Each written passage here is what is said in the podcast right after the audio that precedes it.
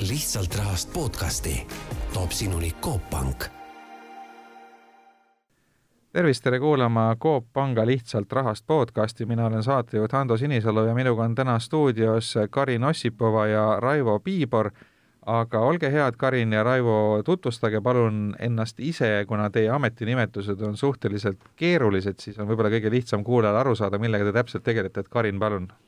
Tere ka minu poolt, mina tegelen, õieti juhatan siis Coop Pangas lühidalt öeldes kodulaenude väljaandmist ja sealhulgas ka siis muud kinnisvara tagatise eraisikulaenud. ja Raivo? Äh, tere ka minu poolt ja mina olen siis kindlustuse äriliini juht ja samas ka Coop kindlustusmaakleri juhataja, et mõlemad ametid siis korraga Coop Pangas ja täna räägimegi kindlustusest, kindlustus on selline asi, mille äh, vajadust ja olemasolu igapäevaselt võib-olla ei tunneta, aga siis, kui seda vaja läheb, siis on äh,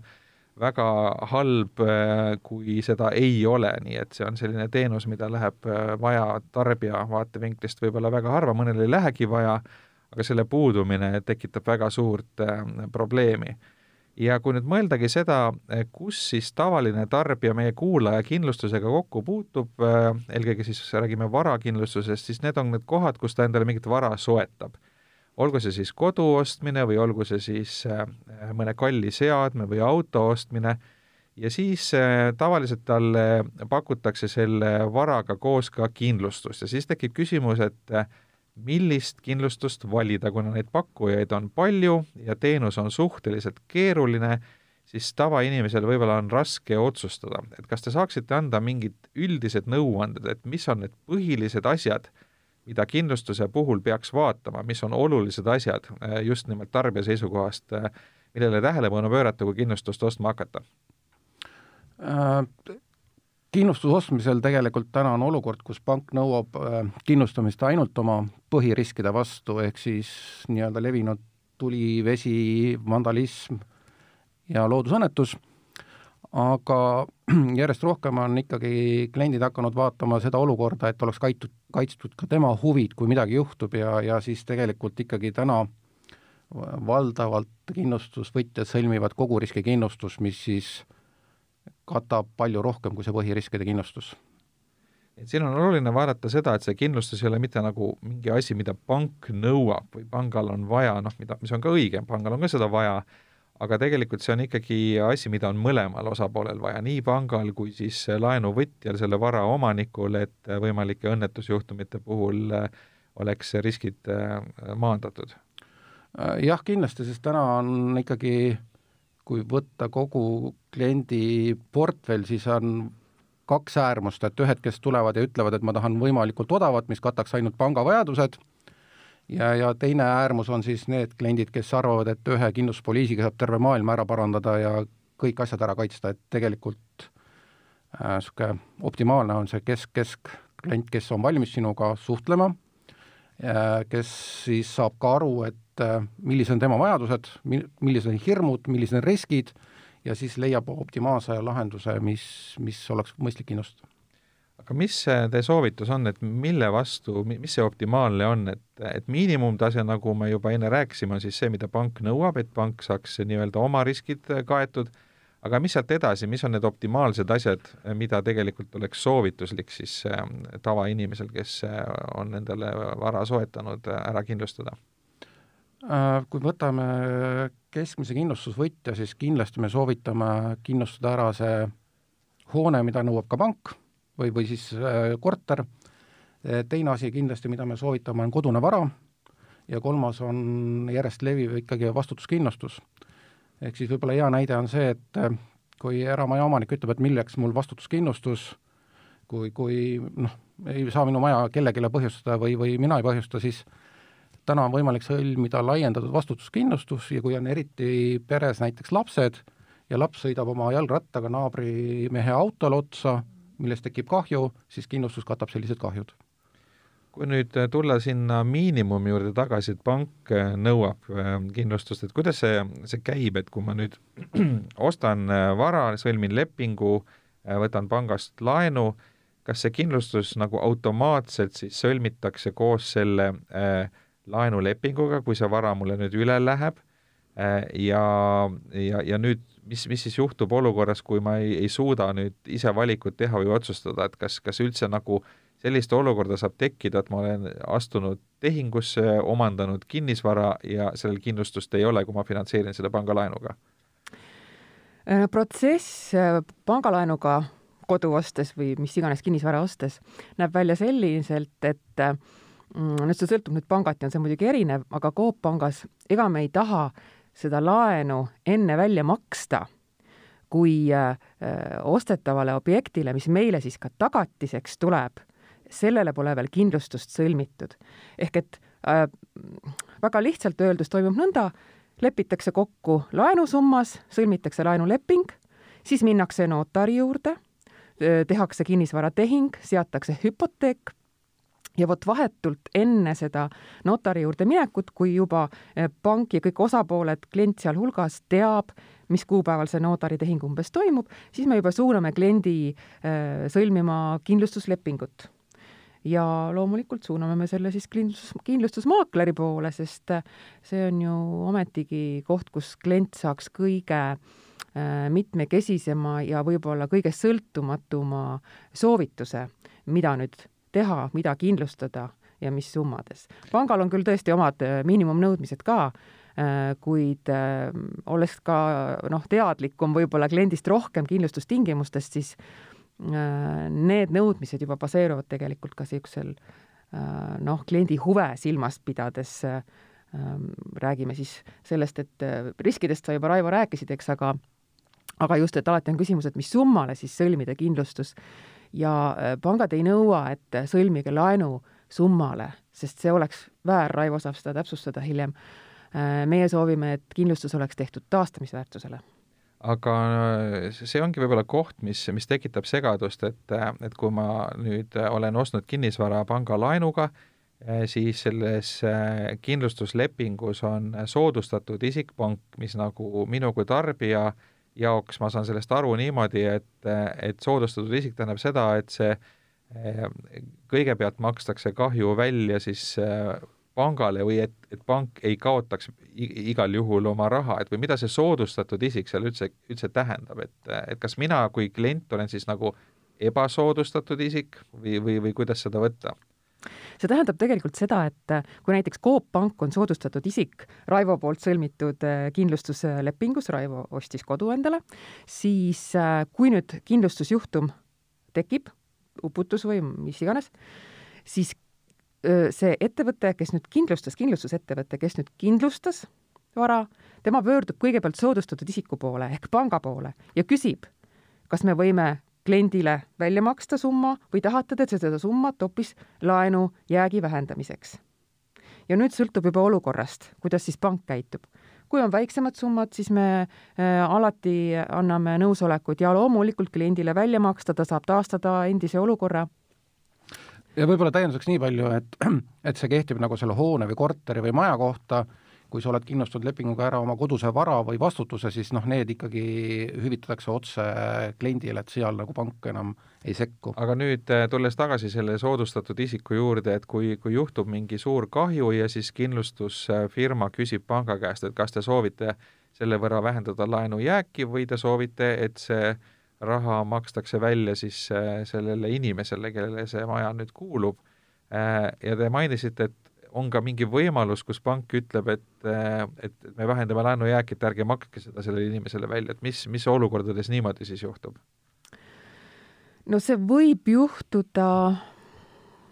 ma pigem, Raivo, äkki sa täpsustad? ma pigem isegi? nagu arvan, et see võib juhtuda sellises olukorras, et kui te olete ostnud endale maamaja äh,, väga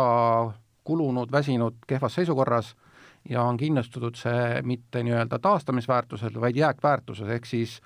see maja jääk on võib-olla seal kolm, nelikümmend tuhat, viiskümmend tuhat ja tol hetkel seda maja enam äh, taastada selle raha eest ei saa, siis on mõistlik nii-öelda kustutada oma äh, laenumakse ja et pangas enam võlgnevust ei ole ja siis otsustada, et kuidas edasi, et kas võtta uus laen nüüd maja ehituseks või, või, või mis siis, siis on õiged sammud, et noh, ainult sellised juhtumid ma näen, et võivad tulla, et vastasel korral ikkagi pank on huvitatud, et see vara taastatakse esialgsel kujul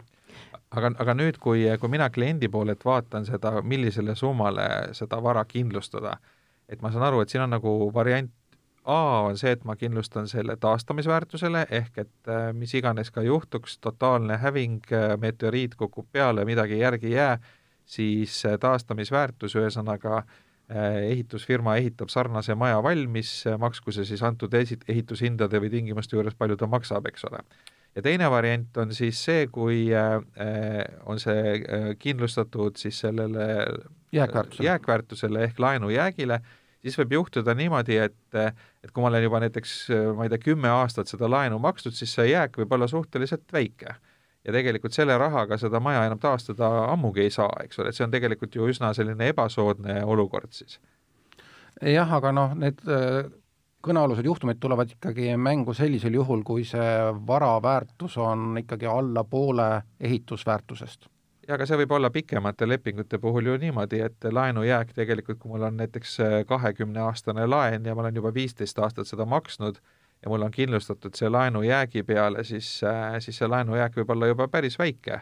jaa, aga sellisel juhul ikkagi pank saab oma laenujäägi, et ta kogu summat ei saa, aga noh, minu soovitus on see, et ikkagi võimalikult kindlustada ära see taastamisväärtus, et ei tekiks üldse seda olukorda. et see on tegelikult selline nõuanne kõikidele koduomanikele, kes, kes kindlustusega kokku puutuvad, et kindlustage oma vara äh, siis taastamisväärtusele, mitte laenujäägile või mingile muule väärtusele kas, kas seda nüüd on selles, need, kellel juba online kindlustusleping olemas, kas nad saavad seda kusagilt lihtsasti vaadata, on see seal nagu suures kirjas kirjutatud või peab seal luubiga uurima seda väikest kirja, et sellest aru saada? no see taastamisväärtus või, või nii-öelda kindlustussumma tegelikult see on ikkagi äh, suures kirjas ja lihtsalt äh, soovitan tähelepanu pöörata sellele, et mis see nagu aluseks on. aga muudel juhtudel jah, tegelikult ikkagi detailid on tähtsad või see saatan on selles väikses kirjas. aga kas, kui mul on sõlmitud juhtumisi, kui ma nüüd avastan, et see leping võib-olla ei ole tähelepanu pööranud, on sõlmitud siis ikkagi sellele laenu jäägi suurusele summale, et kas seda on suhteliselt lihtne ümber vormistada, et, et, et teha see taastamis, taastamisväärtusele, et kas need kindlustusmaksed erinevad oluliselt või, või kuidas see käib? noh, küsimus on jälle, mis on oluliselt erinevus, aga äh, mina soovitan ikkagi tol hetkel võtta aega, süübida, vaadata sisse ja võtta erinevad võrdlevad pakkumised ja, ja teha selle pealt otsus, et mitte siis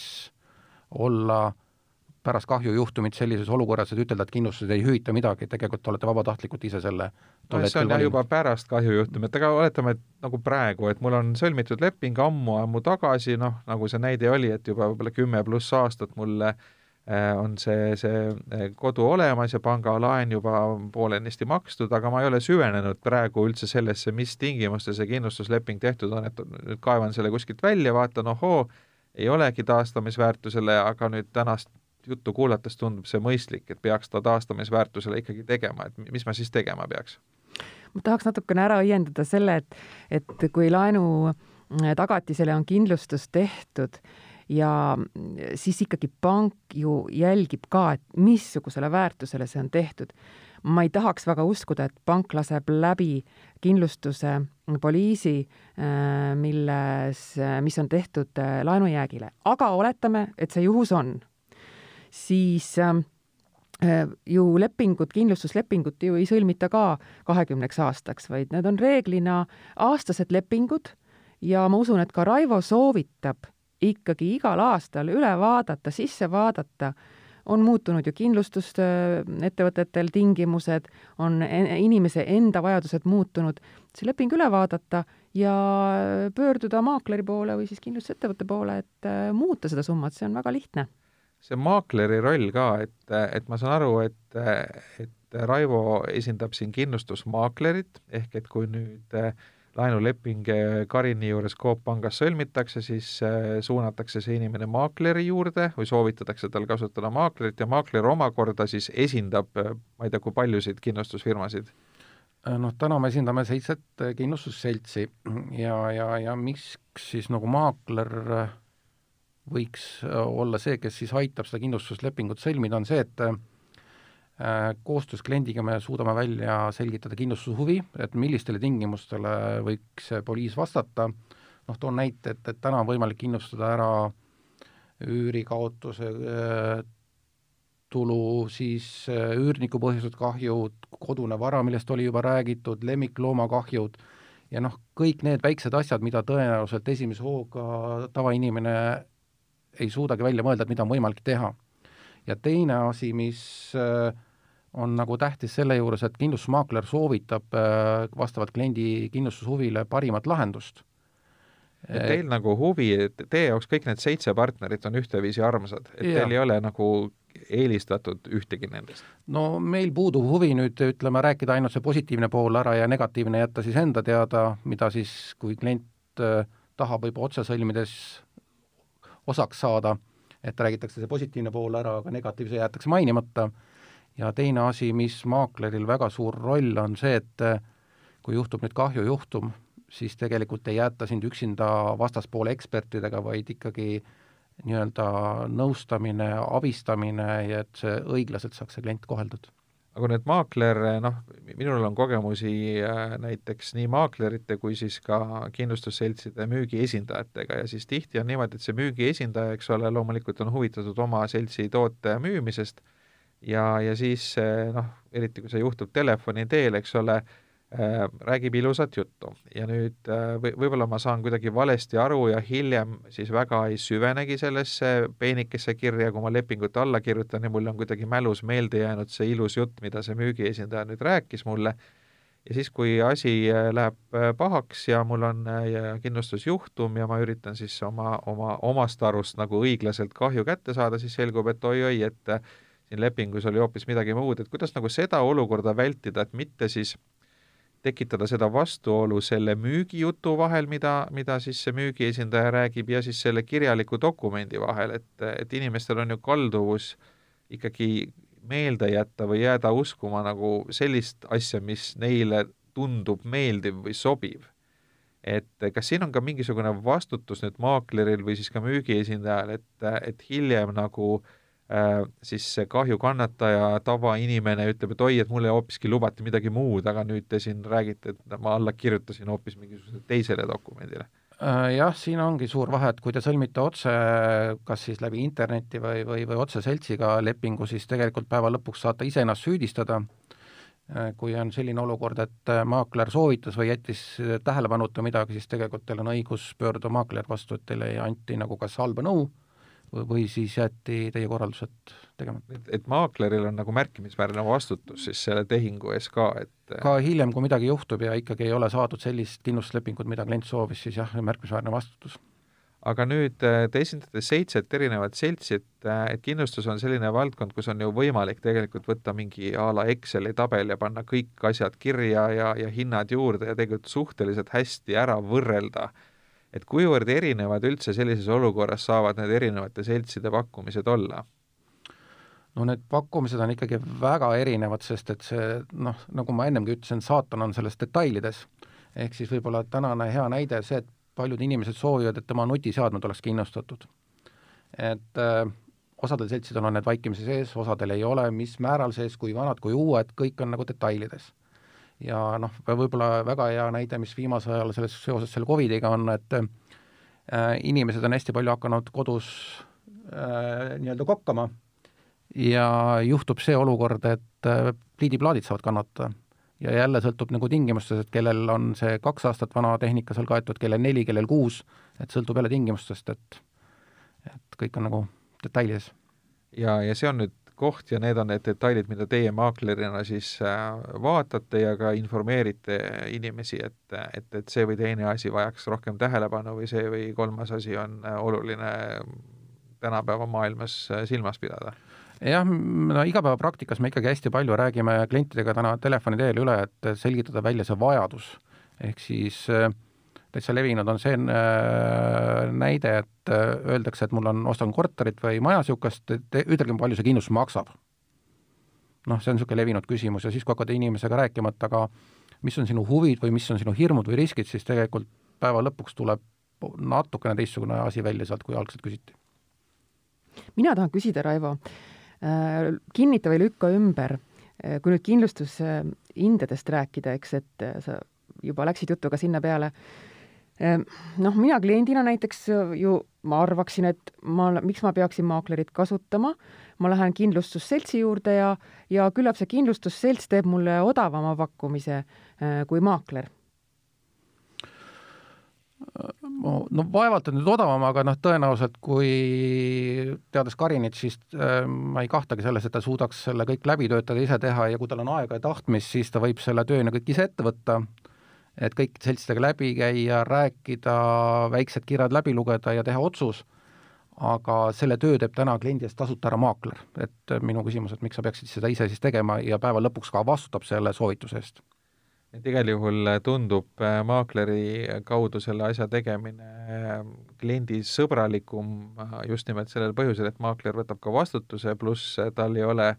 huvi ühtegi seltsi teisele eelistada, et ta tegelikult siis nii-öelda as-, astub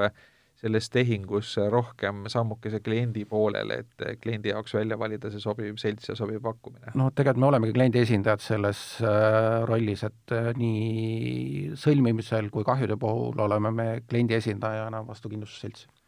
räägime igasugustest erijuhtumitest ka, et, et nagu, nagu siin korduvalt on juba läbi kõlanud, siis äh, saatan peitub detailides ja selles väikeses kirjas, siis kas teie praktikast on mingisuguseid äh, selliseid markantseid näiteid, kus äh, on nagu täiesti valesti aru saadud või kus kliendi ootused on olnud hoopis midagi muud, kui pärast selts on hüvitanud, et kus, kus need peamised vääritimõistmised tulevad? no vääritimõistmised ikkagi tulevad sellest, et, et kas on kindlustatud ja mis on kindlustatud, et äh, paljud ikkagi juba eeldavad, et kui ma ühe poliisi teen, siis ma saan kõik asjad kaetud või, või kui juhtub kahju, siis on kõik asjad kaetud, et ega see päris ikkagi nii ka ei ole, et et, et selles mõttes veel kord, et tasub nagu sõlmides endale selgeks teha, et mida siis tegelikult ikkagi kindlustatud on. aga on teil mõni näide ka, kus, kus on nagu väga suusad risti läinud, kus on nagu väga eri, suured eriarvamused selle üle nagu mida ja kuidas, kuidas kindlustatud on? No väga suurt eriarvamust ei ole, aga noh, mõningatel juhtudel vahepeal oli hästi levinud see, et kui tuli uus mobiiltelefon, siis mobiiltelefonid ja nutiseadmed said kannatada, et et seal ikkagi oli neid eriarvamusi, et, et alati ja kõik ei ole kaetud mm. -hmm räägime veel äh, erijuhtumitest ja räägime siis erilisest kinnisvarast ka, et tegelikult on, äh, on sellised nii-öelda tavalised äh, korterid ja majad ja siis on vähe sellised erilisemad ja need erilisemad on äh, näiteks äh, äh, siin juba enne ka korraks jutust läbi käinud võib-olla halvas seisus maamajad, millel on nagu kõrge atraktiivne emotsionaalne väärtus, et asub looduskaunis kohas, väga äge maja, ja, ja mille hind võib olla üsna kõrge, samal ajal nagu äh, võib-olla panga seisukohast äh, tegemist on äärmiselt ebastandardse asjaga, tal võib-olla äh, realiseerida teda kiiresti ei õnnestu ja, ja, ja muidki probleeme siis äh, kuidas selliste objektide kindlustamisega lugu on, et kui ma nüüd ostangi mingisuguse ajaloolise talu, mis on väga kehvas seisus, väga äh, ilusa kinnistu peal, siis äh, noh, ilmselt põhilise väärtuse sellest kinnisvaratehingu hinnast moodustab ikkagi see kinnistu kui selline äh,. maa ja mets ja loodus ja mis seal kõik on, eks ole, ka lisaks sellele võib-olla halvas seisus majale, et kuidas nagu selliste objektide kindlustamisega on? Nojah, täna on hästi levinud see maamajade soetamine ja, ja Karin korra ennem ka nagu puudutas seda teemat, et noh, minu soovitus on see, et tegelikult tuleks enne selle laenulepingu allakirjutamist äh, küsida kindlustuspakkumist, et kas ja mis tingimustel on või, võimalik seda üldse kindlustada. sest mis seal salata, ikkagi on tulnud ette ka, kus me oleme ütelnud, et äh, ei ole võimalik kindlustada sellist objekti. jah, ja ma täiendan, et äh, noh, panga vaatest, eks see, mis Äh, milline probleem siin nüüd tekib, et, et reeglina pangad ei taha võtta tagatiseks äh, sellist vara, mida ei saa kindlustada. ja see võib selguda alles siis pärast, sul on juba otsus tehtud, isegi leping on sõlmitud ja siis selgub, et oi ups, et kindlustus, äh, kindlustus seda ei olegi valmis kindlustama, et mis siis saab. siis nüüd sõltubki sellest, et tõepoolest, nagu sa ütlesid, et mis siis selle vara väärtus on pank, meie vähemalt Coop Pangas me siis vaatame äh, eksperthinnangusse sisse ja püüame aru saada, et kas seal nüüd väärtust omab see maja ja kui väärtust omab maja, siis on probleem, kui ma seda maja kindlustada ei saa. aga kui väärtust omab tegelikult kinnistu ja see maja võiks noh, nii-öelda siruli tõmmata piltlikult öeldes, siis ei ole ka pangal nagu mõistlik ju ja ka kliendi suhtes ka seda kindlustust nüüd jäi, jäärapäiselt ja jäigalt nõuda. sest ega ma ju maad ei kindlusta ja metsakindlustus, Raivo, on vist täna üldse väga problemaatiline. jah, aga noh, ütleme jah, toetus Karini jutule veel, et tegelikult tasuks seda kõike enne teha, kui, kui soetada sellist maja, et mitte pärast olla situatsioonis, kus pank nõuab lisatagatist või, või, või, või mingit muud no pangad ka arenevad ja meie ka selles mõttes, et, et me võib-olla ka iga kord ei taba ära, et oi, et, et see objekt võib olla problemaatiline kindlustusele. Äh, aga, aga üritame ikka kliente suunata, et uurige enne. aga probleemid, ma saan aru, et ähm, noh, kui, kui lugeda ka meedias, siis ma saan aru, et tänapäeval on võimalik ära kindlustada peaaegu kõik, et, et me loeme siin, kuidas äh, Hollywoodi staarid äh, kindlustavad ära oma kehaosasid ja, ja, ja lemmik, lemmiklooma ma ei tea, mis sabakarvu sõna otseses mõttes, et, et, et noh, Ameerikas tundub olevat võimalik kindlustada kõike, aga nüüd, kui, kui me tuleme siin oma reaalsusesse, siis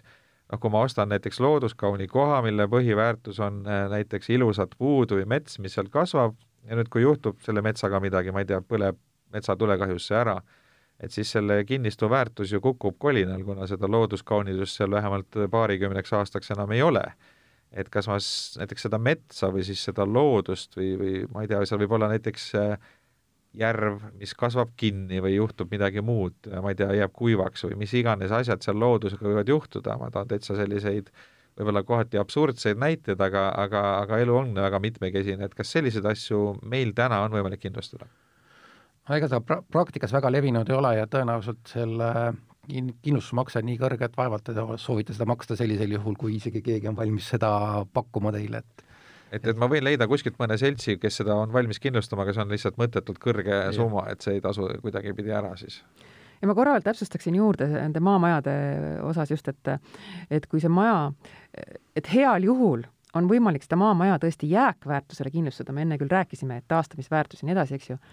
aga mm, kui ma nüüd siis äh, pangana mõtlen, et äh, ma olen nüüd tagatise võtnud, taastamisväärtusele kindlustusettevõte ei ole võim-, valmis seda kindlustama, aga jääkväärtusele on, siis ma jällegi vaatan ka, et, et ma mingitel juhtudel olen sellega nõus. sõltub jällegi, et kas kinnistu ise on nii palju väärt ja see maja seal peal ei olegi ja mul ei olegi mõtet selle kindlustuse peale panustada. et, äh, et ka selliseid olukordi tuleb ette ja, ja noh, ma ütleks, et siin me ei ole ka nii jäigad, et, et ilmtingimata taastamist. jah, aga igal juhul on see teadlik kliendi otsus, et, et, et sellisel juhul ei tule pärast üllatusi. aga, aga ma saan aru, et ega, ega pangad ka väga hea meelega täna ju selliseid äh, suvilaid ja maamajasid äh, laenutagatisena ei, ei taha võtta ka, et, kuna on, on mul, olen ma õigesti aru saanud, et äh, ei no päris ma nõus ei ole, seal on pigem see küsimus, et kui palju sa selle tagatise vastu, selle maamaja või suvila vastu laenu saad. Ja kui palju peab klient siis äh, oma raha panustama, eks ju, pigem on nagu see probleem. mingi raha sa saad ikka, mingi laenu sa saad ikka, aga see on nüüd pangati hästi erinev ja piirkonniti ka, et sõltub, kus see vara asub. kui palju siis selle tagatisvara vastu nii-öelda protsentuaalselt on pank valmis laenu andma no me siin äh, loeme meediast ka seda, et, et on teatud Eesti piirkonnad, kus äh, kinnisvara väärtus on sõna otseses mõttes olematu, et et äh, kuskil äh, Valgas vist äh, on enam-vähem, maksab korter sama palju kui üks ruutmeeter Tallinnas, et, et tegelikult need hinnad on ka ju vägagi balansist väljas. ja ilmselt ja selliste objektide siis tagatisena pangale pakkumine ei ole ka väga lihtne, et, et, sealt need probleemid tulevad, aga räägime ühest teemast veel ja selleks on siis see vastutuskindlustus, mis on järjest populaarsemaks minemas. Ja mina saan sellest niimoodi aru, et näiteks kui ma elan kortermajas, oletame kuuendal korrusel, siis võib juhtuda vabalt niimoodi, et minu korterist alguse saanud uputus võib alumised kuus korterit, mis siis minu alla, või siis viis korterit, mis minu alla jäävad, ära rikkuda. Ja see kahju võib olla ikkagi kümnetes tuhandetes eurodes kokku. Ja kui nüüd mul mingit kindlustust ei ole, siis ma saan aru, et et see nõue võib pöörduda minu vastu kõik ega ta praktikas tulebki teie vastu, et kui teie poolt, poolt toodud näite puhul, et eh, jah, kui teil on endal kindlustus, siis see uputuse korral teie korter tehakse korda, aga naabrite kahjud tuleb teil pärast tõenäoliselt ise kinni maksta. ja selleks ongi siis mõistlik teha see vastutuskindlustus, ehk siis kindlustusselts hüvitab äh, teie korterist alguse saanud kahjud, et äh, viimane näide on see, et äh, ühes korteris toimus remont ja puurimise käigus said kannatada kõrvalkorterid ja, ja keemilise puhastuse arve pärast sellel korteritel oli päris mitmed tuhanded, et, et see näide, et, et öeldakse, et minuga midagi ei juhtu, siis tegelikult võib juhtuda küll. Raivo, aga kas on vahe ka tähendab, kas on mõtet ka eramaja puhul vastutuskindlustust sõlmida ja mis juhtudel? Äh, see sõltub sellest, nagu eelpool tõime näite, et kui on lapsed, siis kindlasti on juba mõistlik äh, mõelda selle peale. lapsed on riskitegur. lapsed on riskitegur, et äh, oma kogemusest teangi, kui külas olles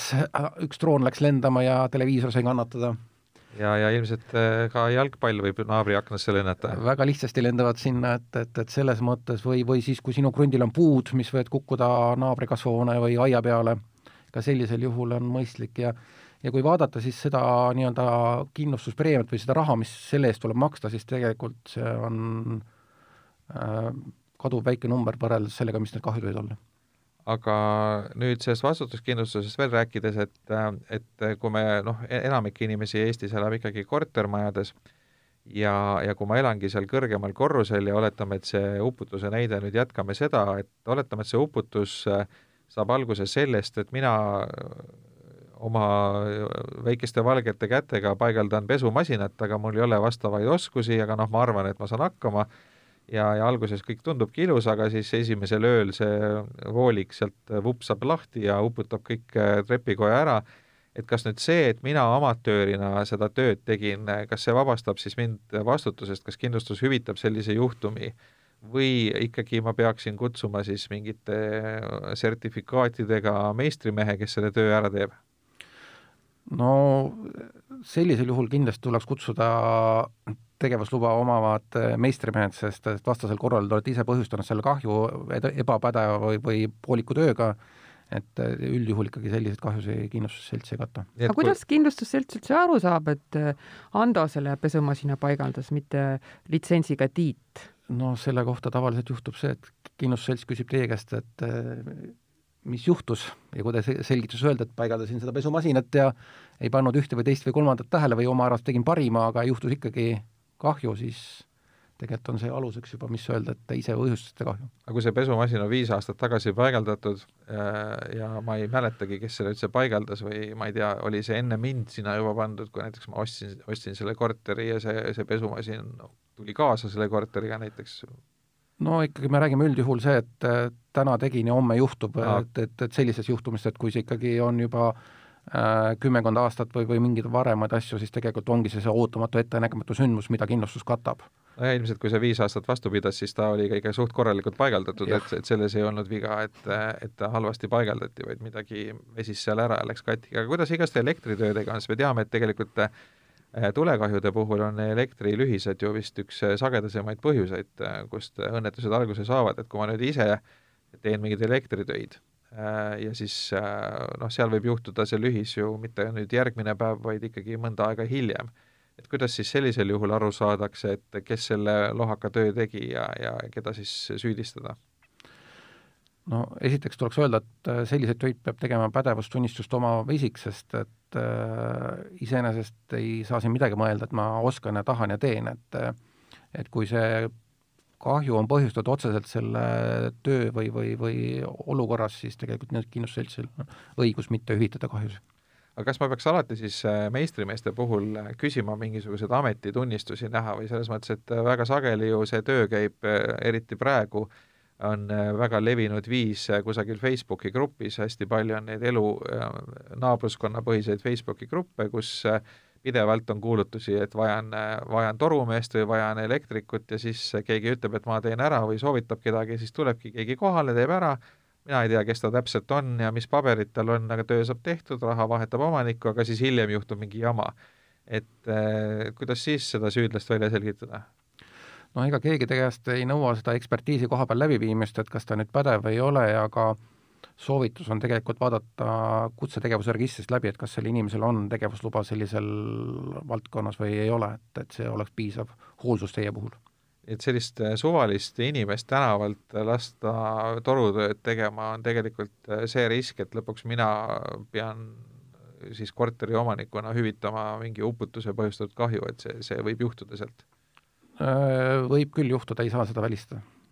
nii et, et see on üks asi siis, millele tasub tähelepanu pöörata, aga kuidas selle dokumenteerimisega on, et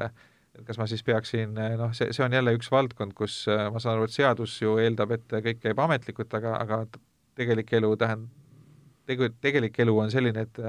ega enamikel selliste lihtsamate tööde puhul ju mingit lepingut ei sõlmita, et ja maks, makse käib ka väga sageli ikka sularahas. et kuidas siis hiljem nagu on võimalik tõestada seda, et kes selle töö tegi ja kuidas see kõik käis? Noh, üldjuhul ikkagi kindlustusseltsid võtavad aluseks ka, et kui te kirjutad seletuskirjas, et äh, käis see kodanik X või kodanik äh, Y või, või firma, siis äh, noh, üldjuhul ikkagi mõistetakse seda, et ei nõuta selles mõttes kirjaliku lepingu või või, või, või muude dokumentide olemasolu, aga mida täpsemini on see dokumenteeritud, seda parem kindlasti teil ja muretum et selline Facebooki chat või email on tegelikult juba piisav tõend, et ei pea olema nagu allkirjadega paberit ja ma saan aru, et, et tegelikult see lihtsustab, kui sul on, mida rohkem sa oled ise dokumenteerinud oma tegevusi, eks ju, või oma neid ettevõtmisi seal majas või korteris, seda lihtsam on sul hiljem lihtsalt kindlustusettevõttega, kindlustusseltsiga läbi rääkida. sa saad kiiremini oma hüvitised äh, kätte, eks, muidu nad hakkavad ekspertiisi tegema ja tõestama ja, ja mida iganes. Jah, selles Pärima mõttes, mida selgem ja konkreetsem see juhtum on, seda kiiremini need asjad tavaliselt lahenevad räägime veel ühest sellisest äh, trendikast asjast nagu päikesepargid, et, äh, et vahepeal äh, olid ka riiklikud soodustused nende rajamisele päris korralikud ja, ja päris mitmed inimesed ka neid paneele siis paigaldasid, kas siis oma maja katusele või, või, või kui neil oli suurem maatükk, siis ka maa peal, et et noh, oletame, et see nüüd on maja, maja katusel ja need paneelid ei ole ka just kõige odavamad, et kuidas nagu nende kindlustamisega on ja, ja siis selle katuse ja majaga, mis nende päikesepaneelide alla jääb? et see on jah, levinud trend ja, ja seltsiti ka erinev, aga üldjuhul peaks olema kindlustuspoliisil välja toodud, et on paigaldatud päiksepaneelid, kui ta nüüd on just majaosa ja, ja kui ta on eraldi päiksepark, siis tegelikult tuleks ta lausa eraldi kindlustada ja seda on võimalik teha, et selle kohta on äh, sellised mõistlikud lahendused olemas. jah, on küll. aga mida üldse veel tasuks kindlustada, et me rääkisime siin siis äh, sellest noh, ütleme, millest ei pääse, et kui sa pangalaenuga endale vara soetad, et, äh, et siis see kinnisvara on kindlustatud, siis rääkisime sellest kodusest varast või isiklikust varast, mida siis võib, võib, mitte kindlustada, siis on see vastutuskindlustus, mida on mõistlik teha, eriti siis kortermajades, eriti kõrgematel korrustel elavatel inimestel aga mis veel, mis äh, võimalused või sellised mõistlikud äh, kindlustused veel olemas on? levinud on kindlasti õnnetusjuhtumi kindlustused, siis on tervisekindlustused, eriti siis tänases valguses, kui on tarvilik saada arstiabi erameditsiini poolt, et, et, et on võimalik sõlmida ka tervisekindlustuse lepinguid. Noh, hetkel reisiga on tõenäoliselt kehvad lood, aga vara, kasko, liiklus ja, ja, ja siis õnnetus ja tervisekindlustus, need on levinud hetkel tooted. aga kas need oleks äh, võimalik ka kuidagi ühest kohast kõik, et ühe maakleri kaudu kõik need kindlustused teha, sest noh, üldiselt vara ja, ja elukindlustused kipuvad olema nagu eraldi, eraldi valdkonnad, eraldi firmad? Äh, kindlasti on võimalik, et tegelikult äh, ongi soovitus, et kui üks maakler vaatab teie kõik kindlustusvajadused üle, siis on äh, tulemus tõenäoliselt parem. et ma võin kliendina näiteks pöörduda Coopi kindlustusmaakleri poole ja öelda, et vaataks minu kindlustused üle, need, mis mul on praegu ja, ja mis võiks veel olla ja siis see maakler aitab seal korda luua ja, ja, ja soovitada, kust, kust panna kokku see parim pakett, et need ei pruugi olla üldse ühe seltsi omad, vaid, vaid seda saab kombineerida siis mitmest eri seltsist jah, see on kuidagi natukene levinud arusaam, et paljud kliendid eh, tunnevad muret, et noh, ma teie laenutagatisena ostetava korteri kindlustasin ära, aga mul on muud varad veel, et kas te ka neid kindlustate, jah, muidugi me teeme ja ja me vaatame neid üle, pikendame, jälgime, haldame, et kõik see on meie igapäevane töö. aga kas on ka mingi soodustused, kui ma võtan näiteks eh, kõik kindlustused, noh, ma ei tea, kõik, oletame, et, et, et viis-kuus erinevat sorti kindlustust siis ühest kohast kas, kas ma saan siis nagu järgmiste pealt soodsama pakkumise ka või et kas seal mingi hulgaefekt ka tekib? no kindlasti tekib, sellepärast et äh, päeva lõpuks ikkagi kui on rohkem lepingut, siis ka muutub teie jaoks soodsamaks. ja, ja mis see selline, ma, ma ei tea, kas ilmselt see hinna küsimine on umbes see, et kui palju maksab auto, et, et kes mõtleb siin Škodat ja kes mõtleb siin Lamborghinit, et ilmselt ei ole võimalik nii öelda, aga aga, aga ikkagi, et selline tavaline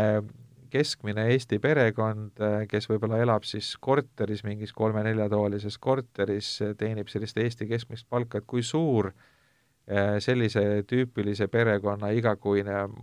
kulu kindlustustele nagu optimaalne oleks, ma ei tea, kas seda saab panna kuidagi suhtesse äh, vara maksumusega või siis inimeste sissetulekuga või millega veel, et kuidas seda nagu arvutada, kui ma nüüd sellist oma pere eelarvet teen, et ma mõtlen, et oi, aga kui palju ma nagu mõistlik oleks kindlustuse peale kulutada, mis nõude siin annate? no siin ei ole väga head nõud, aga,